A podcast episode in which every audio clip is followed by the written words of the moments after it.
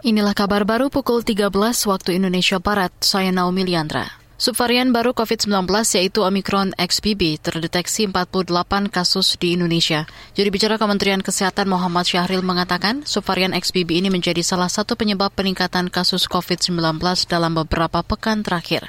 Kata dia, pasien COVID-19 terinfeksi Omicron XBB dan XBB 1 bergejala ringan hingga sedang. Nah, ini juga eh, kami ingin sampaikan satu grafik di mana klub XBB maupun BQ1 sudah mulai mendominasi dan menggeser BA4 ke BA5 ya. Dan tercatat ada 48 kasus ya. Nah, untuk XBB ini termasuk XBB1 memang dia ini mutasi dari BA2 maupun BA2.75 ya. Nah, transmisinya memang lebih cepat ya dibanding dengan BA5. Juru bicara Kementerian Kesehatan Muhammad Syahril menambahkan, selain Indonesia, kini sudah ada 10 negara lain yang melaporkan penularan COVID-19 subvarian Omicron XBB.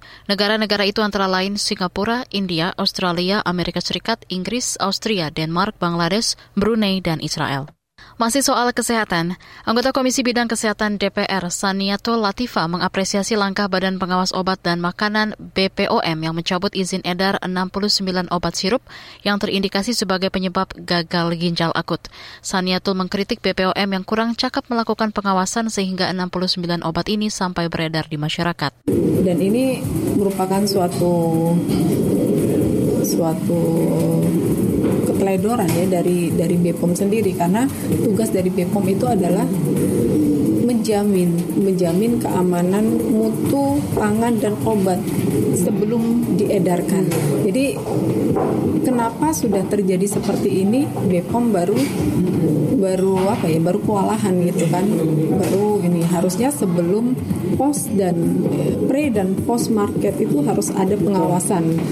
Jadi tidak hanya setahun sekali dilakukan itu tadi anggota Komisi Bidang Kesehatan di DPR Saniatul Latifah. Sementara itu dua hari lalu Badan Pengawas Obat dan Makanan BPOM menambah lagi daftar obat sirup yang izinnya dicabut. Dari 69 obat menjadi 73 obat sirup. Lima perusahaan farmasi yang teridentifikasi memproduksi obat sirup dengan cemaran EG dan DEG di luar ambang batas aman, yakni PT Hyorbus Pharma, PT Samko Pharma, PT Yarindo Pharmatama, PT Universal Pharmaceutical Industries, dan PT Avi Pharma. Kita ke informasi olahraga. Induk Organisasi Sepak Bola Indonesia PSSI memutuskan menggelar Kongres Luar Biasa KLB pemilihan lebih cepat dari jadwal awal. Keputusan itu diambil melalui rapat Komite Eksekutif Exco PSSI kemarin setelah menerima surat balasan FIFA terkait percepatan pelaksanaan Kongres 2023.